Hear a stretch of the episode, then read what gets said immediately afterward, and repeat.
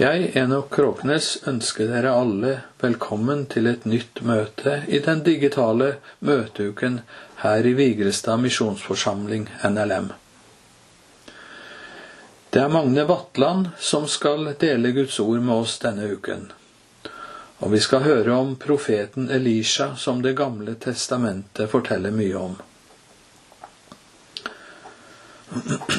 Mange av oss har vel sett en del på fjernsynet i det siste. Sett og hørt hva myndighetene sier om koronaviruset og om smitten.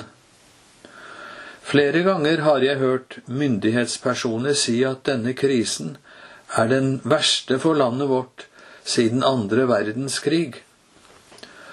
Om det er rett, vet jeg ikke. Men jeg har tenkt på noe jeg har lest om i forbindelse med den krigen. Det var en av kristenlederne i Norge som var i Sverige i april i 1940. 9. april fikk han høre at tyskerne hadde gått inn i Norge, og han kom seg på toget i en fart. Mens han satt der i toget og grublet over det som var hendt, kjente han både på fortvilelsen og på sinnet, men også på sorgen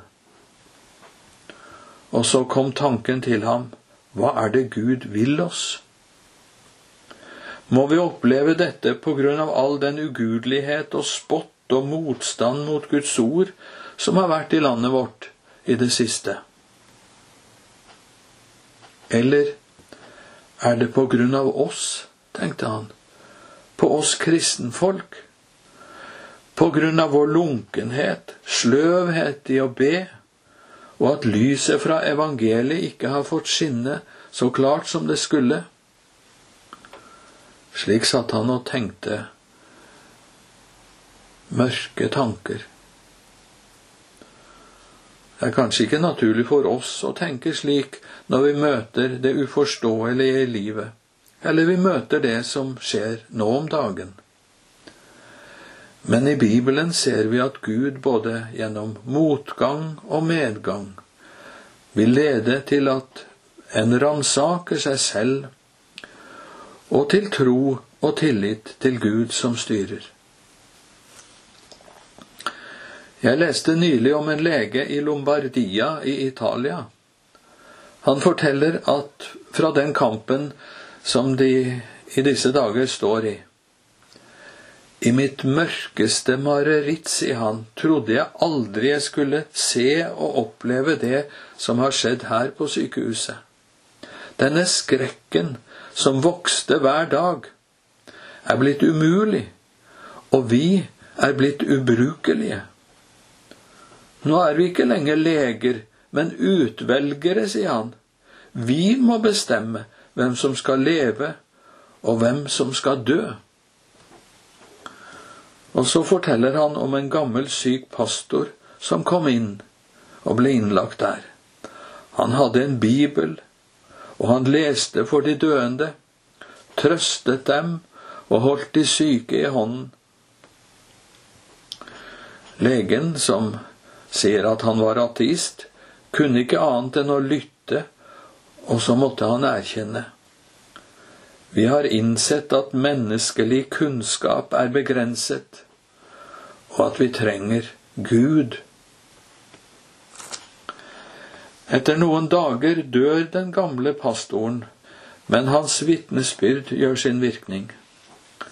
Og legen sier videre, den gamle hyrden, mens han var hos oss, klarte å bringe en fred blant oss som vi aldri hadde noe håp om å finne.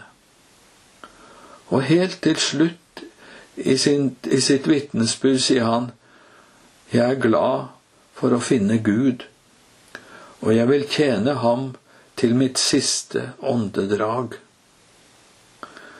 Dette var bare en, et lite utdrag av det han forteller. Det er vel disse italienske tilstander som vi så på dette sykehuset, at hele vårt samfunn nå kjemper febrilsk for å unngå. Men vi ser vel alle hvor skjørt livet er, hvor lite vi vet. må vi ikke innrømme som denne italienske legen. Vi trenger Gud. Vi trenger Jesus. Vi trenger noe som rekker lenger enn det livet vi har. Noe som er fast, og som er evig. Jesus forteller jo om veien til det som er evig, til det evige livet. Og i et av de mest kjente vers i Bibelen sier han, For så har Gud elsket verden, at han ga sin sønn den enbårne, for at hver den som tror på ham, ikke skal fortapes, men ha evig liv. Og så innbyr Jesus oss alle og sier, Kom til meg, alle som strever og har tungt å bære, og jeg vil gi dere hvile. La oss be. Kjære Far i himmelen. Vi erkjenner at bare hos deg finner vi livet, det livet som varer, og som du kalte det evige livet. Vi takker og priser deg fordi du gir dette livet ved troen på Jesus Kristus. Vi ber at vi og mange, mange i denne tiden stopper opp og ser hvor stor en gave du har gitt oss i Jesus, og vi ber at mange, mange tar imot den. Og vi ber som sangeren synger i et vers, før ditt verk til ende, regn og sol du sende, bruk de råd du vil, bare du oss fører, så til sist oss hører himmelriket til. Velsign dette møtet. Velsign Magne Vatland som skal dele Guds ord, og velsign oss alle som hører. Amen.